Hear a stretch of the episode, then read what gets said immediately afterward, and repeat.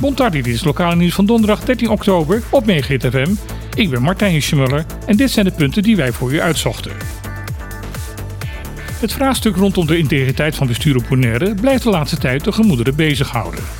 Na een lange vergadernacht in de Pasakrahan werd het gisterochtend duidelijk dat ook de Eilandsraad haar steentje daaraan wilde bijdragen. Dat gebeurde in de vorm van twee aangenomen moties. De eerste was ingediend door de oppositiepartij PDB en werd met algemene stemmen aangenomen. Hierin neemt de Eilandsraad het besluit om een onderzoekcommissie in te stellen die de bestuurlijke integriteit bij het afgeven van vergunningen moet gaan onderzoeken. De andere motie is ingediend door de partijen van het bestuurscollege NPB en UPB.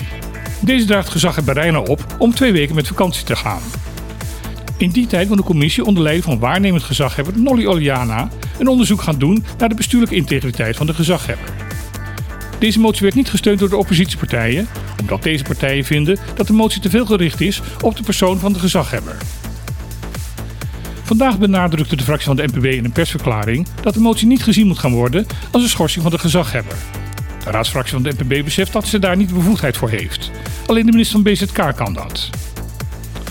In een verklaring vanuit Den Haag laat dat ministerie weten de kwestie in een lokale aangelegenheid te vinden en geen aanleiding te zien om zich hiermee te gaan bemoeien. Vanaf aanstaande zaterdag is ook op Bonaire de nieuwe boosterprik tegen corona beschikbaar. Dat werd gisteren tijdens een persconferentie bekendgemaakt. De prik met de nieuwe variant van het vaccin, gemaakt door fabrikant Pfizer, beschermt beter tegen de Omicron-variant van het virus en ook tegen de zogenaamde long-covid. Er wordt door de dienst publieke gezondheid verwacht dat in de komende tijd het aantal besmettingen met corona weer zal gaan oplopen. Het is daarom ook vooral voor ouderen belangrijk om deze nieuwe booster te gaan halen, omdat bij hen het beschermende effect van de vaccinaties eerder is uitgewerkt dan bij jongere mensen. Daarom komen nu eerst 80-plussers aan de beurt. Zij kunnen zaterdag tussen 9 en 4 uur hun prik gaan halen bij de SGB op de Kaya Frater Odulfinus. Hiervoor hoeft geen afspraak gemaakt te worden.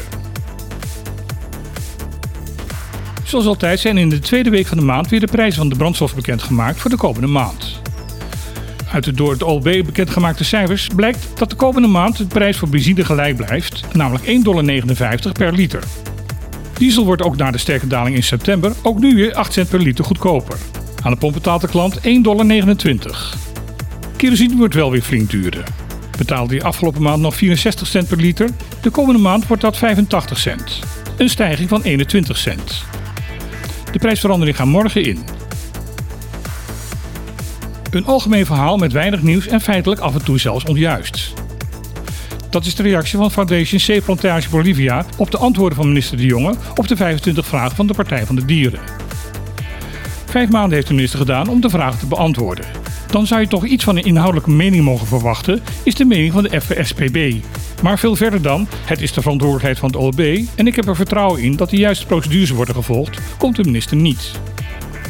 De antwoorden van twee vragen vallen wel op. In zijn antwoorden op de vraag 1 en vraag 8 geeft de minister namelijk antwoorden die tegenstrijdig zijn met de uitkomst van de strategische milieubeoordeling en het rapport Karmabi. De stichting zegt ervan overtuigd te zijn dat de Partij van de Dieren zich niet met een kluitje in het brief zal laten sturen en vragen zal blijven stellen. Dit was lokale nieuws op Megahit FM. Ik wens u nog een hele fijne dag en hopelijk tot morgen.